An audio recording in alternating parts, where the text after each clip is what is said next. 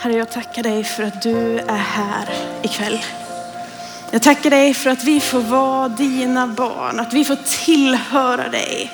Himmelens konung, skaparen av universum och du bryr dig om oss. Herre, jag tackar dig för att du är allt genom god. Jag tackar dig för att du har goda tankar för dina barn. Jag tackar dig för att du vill oss väl. Jag tackar dig för att du ser på oss med kärlek. Herre, jag bara ber dig att du ska låta din kärlek skölja över oss ikväll. Herre, jag ber dig att din vilja ska få ske den här kvällen. Inte det vi vill, utan det du drömmer om att vi ska bli, Herre. Låt det få hända någonting med oss ikväll. Jag ber dig om det, Herre.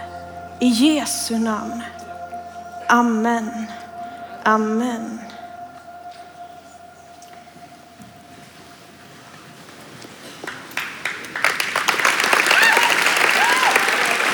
Yes. Ni har ju redan hört att jag kommer ifrån Trollhättan. Där... Ja, de är här ikväll. Eh, där bor jag tillsammans med min man som heter Johannes och mina två barn som heter Nea och Eli. Och Daniel pratade om det förut här idag. Att eh, när man är förälder så får man vara med om vissa saker som man inte är med om annars. Han pratar om föräldramöten och grejer. En av de sakerna som man får vara med om som förälder, det är att man får hämta barn på förskolan. Ni kanske inte har varit med om det. Jag är med om det ganska ofta. Och en dag på våran, eh, våra barns förskola så håller de på och jobbar med odling just nu. Det är en projektgrej. Så det står liksom eh, mjölkkartonger med jord i överallt och så är det liksom små solrosor och tomatplanter och gräs och så tittar man hur fort saker växer och vad händer om man vattnar och inte. Och så kom jag en dag och så var det något eh, liksom, eh, som var på gång inne på förskolan. Och så vad, är det liksom, vad är det ni håller på med barn? Och så är det någon som jublar och säger, vi har varit i skogen idag. Ja, men vad roligt. Och vi hittar harlortar. Ja, yes, toppen. Vi har planterat dem, säger de. Eh, Okej, okay, säger jag. Vad tror ni växer då? Det kommer att komma morötter, var det ett barn som tittade på mig och sa. Och jag bara, mm, you're up for disappointment. Men alltså, grejen är ju den, det, det är inte så konstigt att en femåring kan tänka så. Vill man ha morötter så bör man ju dock peta ner något annat i marken än harlortar. Det krävs ju ingen riktig Einstein för att förstå det egentligen. Alltså det jag petar ner i marken är det som kommer upp sen. Och kvällens rubrik är utmaningen att vara den som Gud vill. Och ibland så tänker jag att det inte är så mycket svårare än att fundera över vad det är jag petar in i livet. För jag tror att det som vi petar in i våra liv är det som också kommer ut så småningom. Jag skulle vilja ta med er in i en liknelse idag, en berättelse som Jesus berättar för att försöka förklara för oss hur Fadern, hur Gud ser på oss som människor. Och den berättelsen ska vi sedan ha som utgångspunkt när vi funderar över hur det är med det där som Gud vill att jag ska vara. Vi läser ifrån Lukas 15, vers 11 till 24. Vidare sa han, Jesus alltså, en man hade två söner. Den yngre av dem sa till sin far, far ge mig den del av förmögenheten som ska bli min. Då delade han sin egendom mellan dem. Några dagar senare packade den yngre sonen ihop allt sitt. Han reste långt bort till ett främmande land. Där levde han hämningslöst och slösade bort sin förmögenhet. När han hade gjort slut på allt drabbades det landet av en svår svält och han började lida nöd. Då gick han bort och tog tjänst hos en av landets medborgare som skickade ut honom på sina ägor för att vakta svin. Han hade gärna velat äta sig mätt på fröskidorna som svinen åt, men ingen gav honom något. Då kom han till besinning och sa, hur många arbetare hos min far har inte mat i överflöd och här svälter jag ihjäl. Jag vill stå upp och gå hem till min far och säga till honom, far jag har syndat mot himlen och inför dig. Jag är inte längre värd att kallas din son. Låt mig få bli som en av dina arbetare. Han stod upp och gick till sin far. Medan han ännu var långt borta fick hans far se honom och förbarmade sig över honom. Fadern skyndade fram, omfamnade honom och kysste honom. Sonen sa till fadern, Far, jag har syndat mot himlen och inför dig. Jag är inte längre värd att kallas din son. Men fadern sa till sin tjänare, skynda er, ta fram den finaste dräkten och klä honom och sätt en ring på hans finger och skor på hans fötter och hämta gödkalven och slakta den. Nu ska vi äta och fira, för min son var död, men han har fått liv igen. Han var förlorad, men är återfunnen och festen började. Den här liknelsen brukar, brukar kallas för den förlorade sonen. Och berättelsen om den förlorade sonen är en berättelse om en kille som är på väg. Du vet, det finns en vandring att förhålla sig till. Vi brukar prata om att följa Jesus, inte bara tro på honom. Och ibland, så, alltså ibland slår ju Gud ner i livet. Alltså Gud kommer och vidrör eller vi får stora upplevelser eller vi fattar stora beslut. En del av de där sakerna är ganska omedelbara, plötsliga händelser. De händelserna, de tillfällena, det blir som milstolpar i livet. Sådana som vi tittar tillbaka på. Jag har ganska många sådana i mitt liv. Sånt som jag lutar mig mot och sånt som har burit min tro när det blir tufft. Men när jag också tittar tillbaka på livet så ser jag att de där milstolparna är faktiskt utställda längs med en väg. Den vägen och den resan som jag fortfarande är på. Det finns inte en checklista med tio punkter där du bara, okej, okay, check, check, check. Ja, nu är jag den som Gud vill att jag ska vara. Bra, nu är jag klar. Tron på Jesus och livet tillsammans med honom, det är en sorts process, en resa, ett ständigt pågående. I Romarbrevet 8 och 29 står det, de som han i förväg har känt som sina har han också förutbestämt till att formas efter hans sons bild. Inte förutbestämt att vara lik Jesus, punkt. Utan förutbestämt till att formas. Att bli mer lik. Att vara på den där resan, att vara på den där vandringen. Och jag tror att det mer är ett långsamt växande i tron än en liksom checklista där vi liksom känner att nu är, det, nu är det bra. Och jag tänker att vi lite grann är tillbaka i det där med vad stoppar jag ner i marken egentligen? Vad förväntar jag mig ska komma ut av det som jag gör med mitt liv? För det kommer ju inte börja växa någonting som du inte har planterat.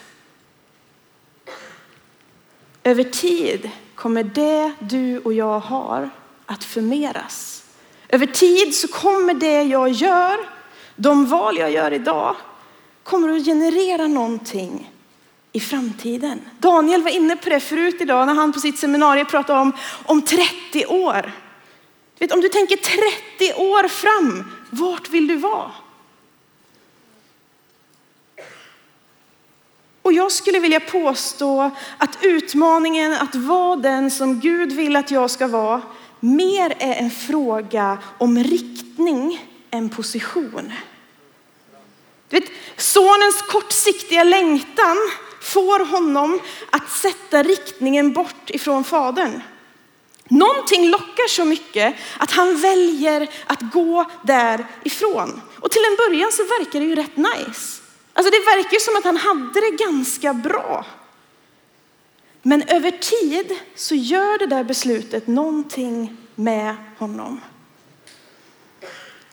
När man sätter ut en kurs så pratar man om grader. Ni håller säkert på med vinklar i skolan ibland så här. Ja, men 90 grader någonstans där och är det 180 grader då svänger man eh, dit och så, ja ni förstår. Eh, och alltså, det förstår ju vem som helst. Att om jag vänder i 180 grader så hamnar jag åt fel håll. Det är ju inte, det är vi liksom inte, det, det är inga svårigheter så. Men ibland så tror jag att vi underskattar vad en liten förändring kan göra med min riktning, med vad som händer långt fram. Alltså, vet, om, jag skulle, om jag skulle ställa min kurs två grader fel, 90 grader är dit, två grader är typ ingenting.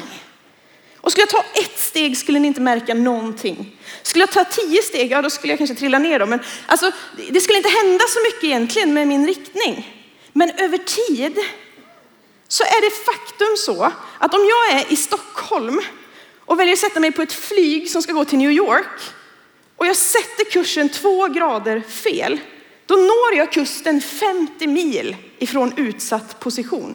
Det är rätt långt.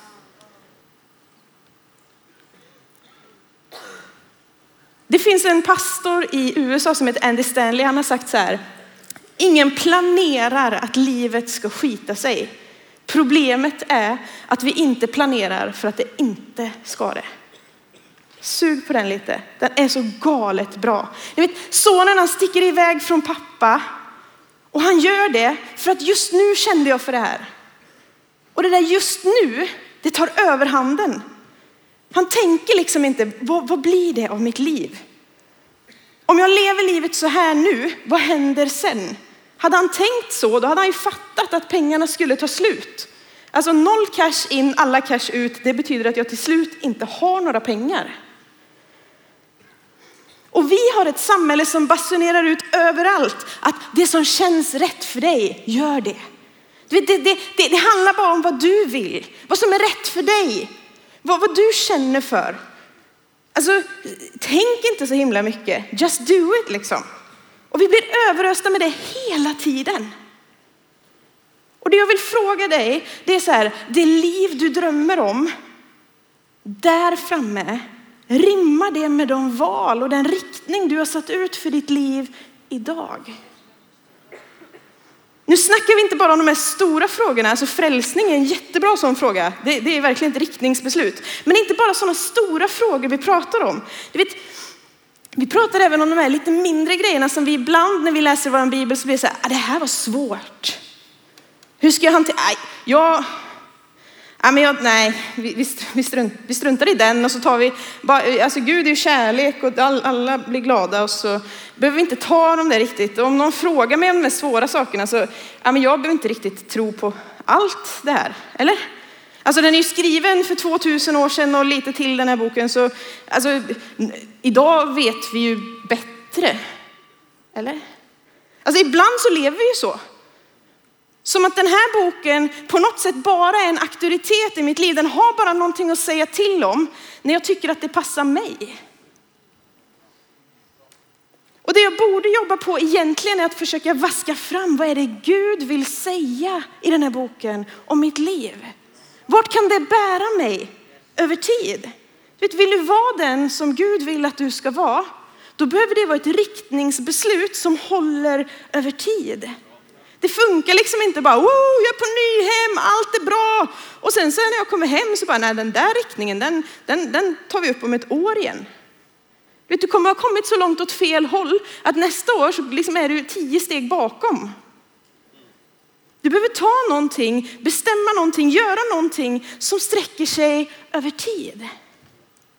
Och det för oss till en helt naturlig fråga egentligen. Ja, men vill jag ens då vara den som Gud vill att jag ska vara. Alltså, är det verkligen det bästa för mitt liv?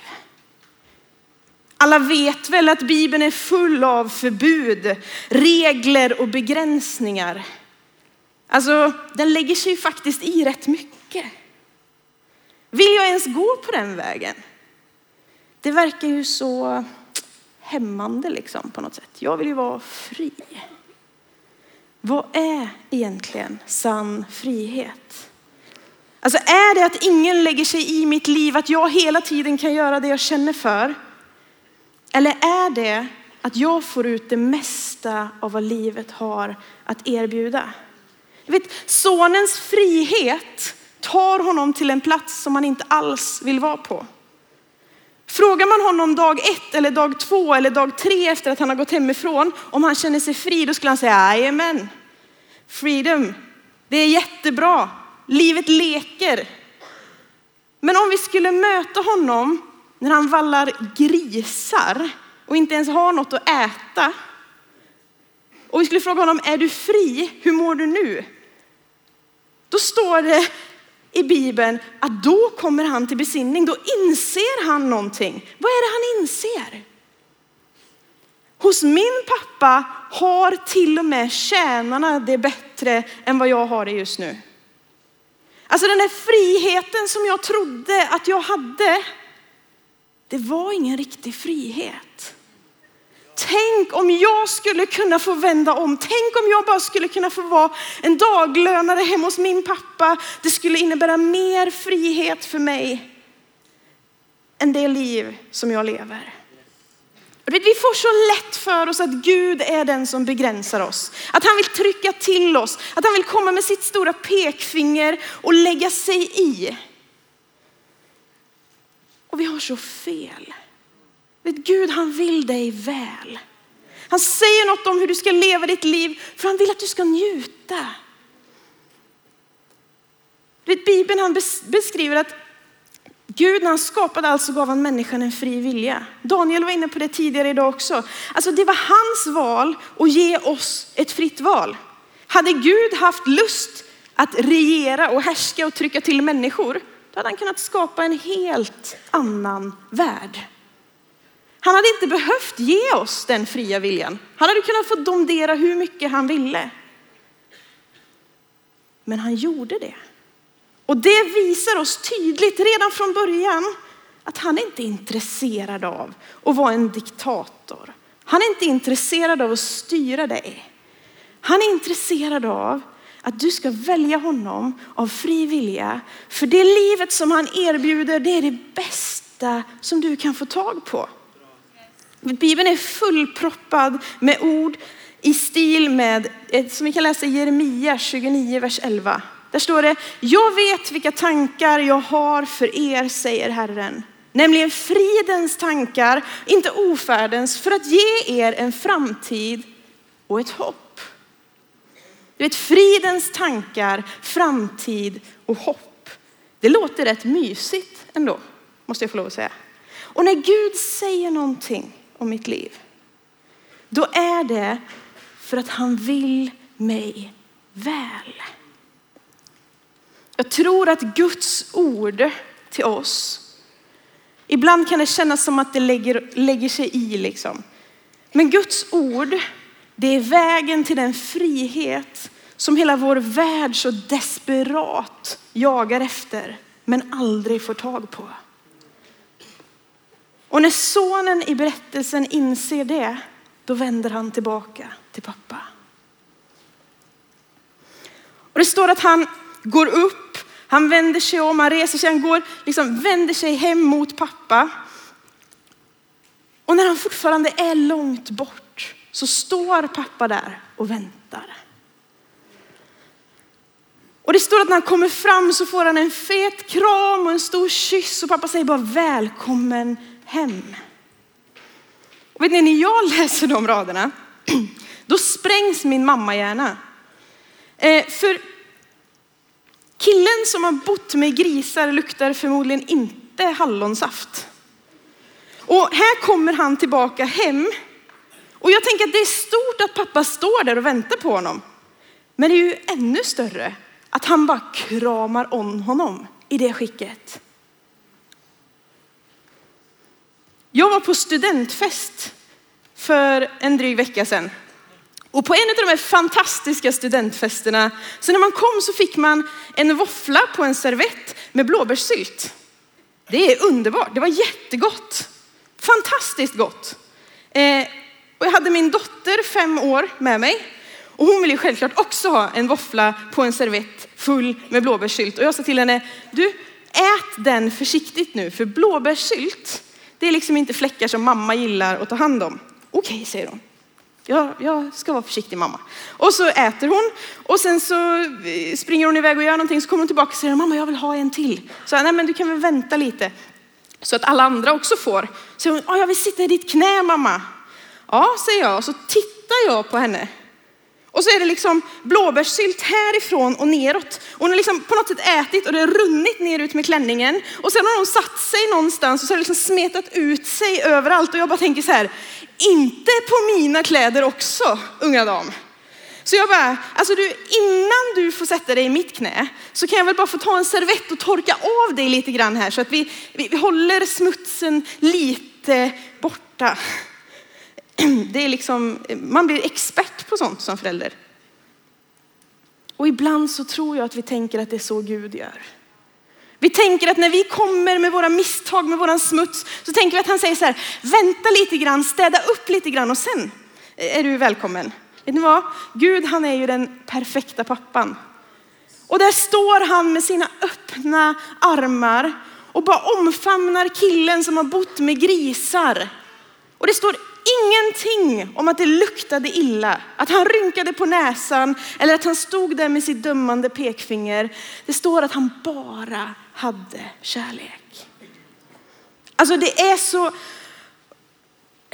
det är en sån skillnad på hur det ser ut och vart vi är på väg.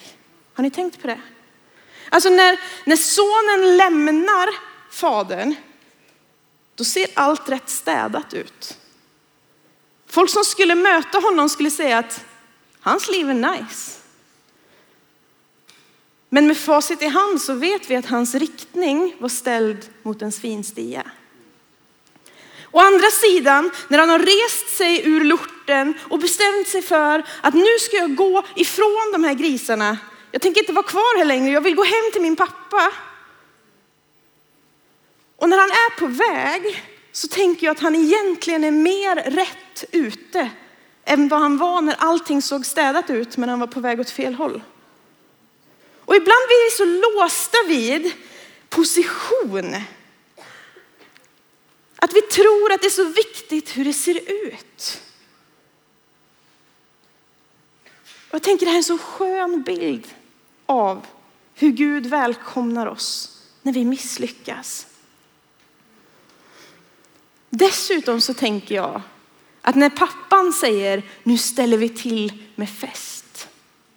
Då tror jag faktiskt att det ingår någon sorts dusch eller bad i de festförberedelserna. För en del av att komma hem till pappa, till det städade huset där det finns en dusch, det kanske inte fanns det här, men jag tänker så. Eh, det är ju att vi slipper dra runt på skiten. För det är ju inte behagligt. Även om jag är välkommen precis som jag är så mår jag ju inte bra av allt skräp. Kristoffer var inne förut på att ja, men Gud är inneboende i oss. Det står att den helige ande flyttar in, att jag blir hans tempel när jag tror på Jesus. Och det finns ju ett allvar i det. Det är ju någon sorts finbesök ändå som kommer. Och när vi får finbesök, då tycker i alla fall jag om att städa. Kanske inte att jag tycker om att städa, men jag tycker om att det är städat i alla fall. Och där tänker jag att vi städar på lite olika sätt. Jag vet inte hur ni fungerar, jag vet ju hur jag fungerar. Men jag tänker att det finns två typer av människor när vi snackar städning. Det finns de som har det städat hela vägen in i strumplådan.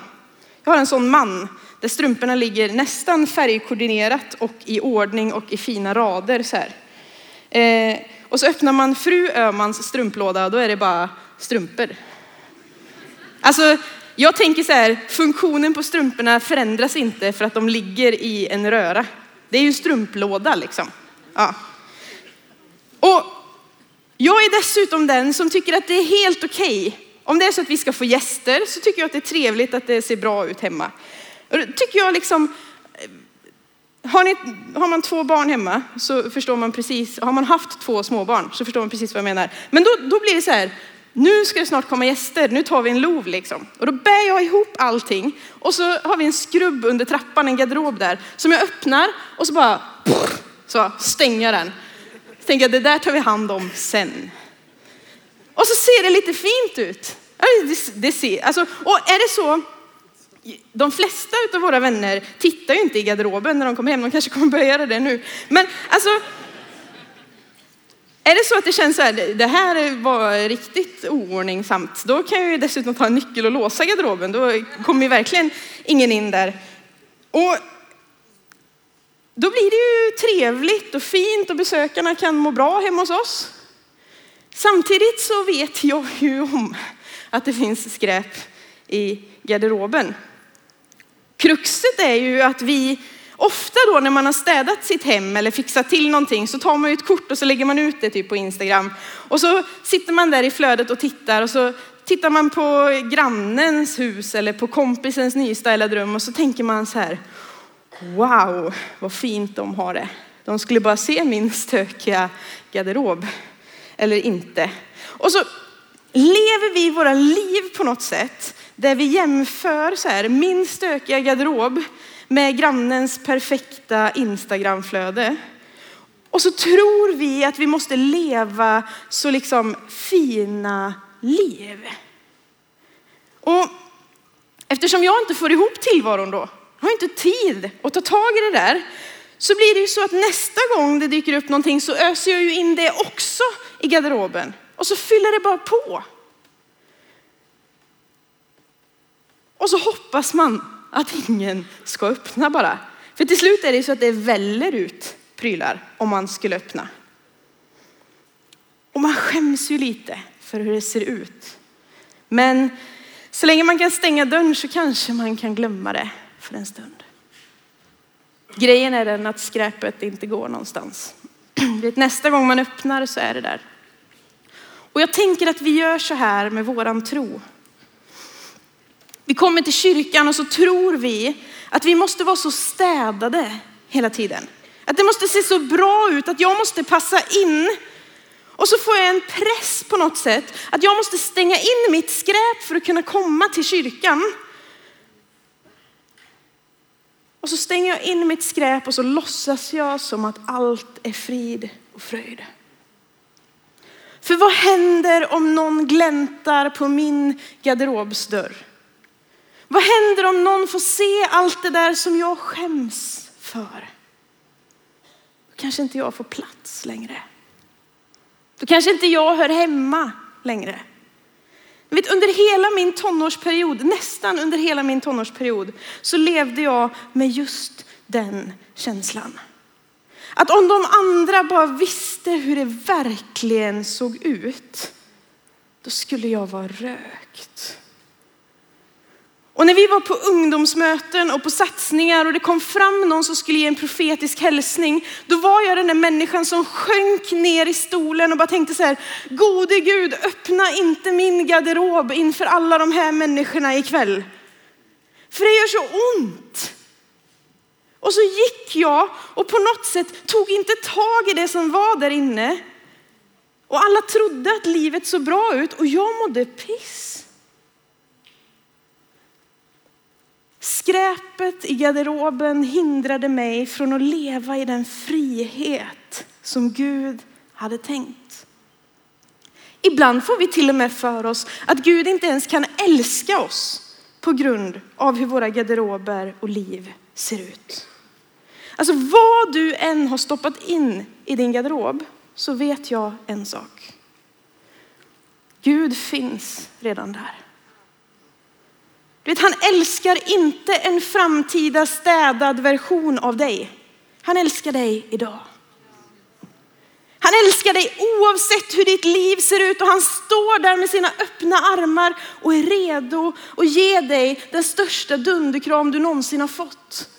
För du är alltid välkommen fram till Gud.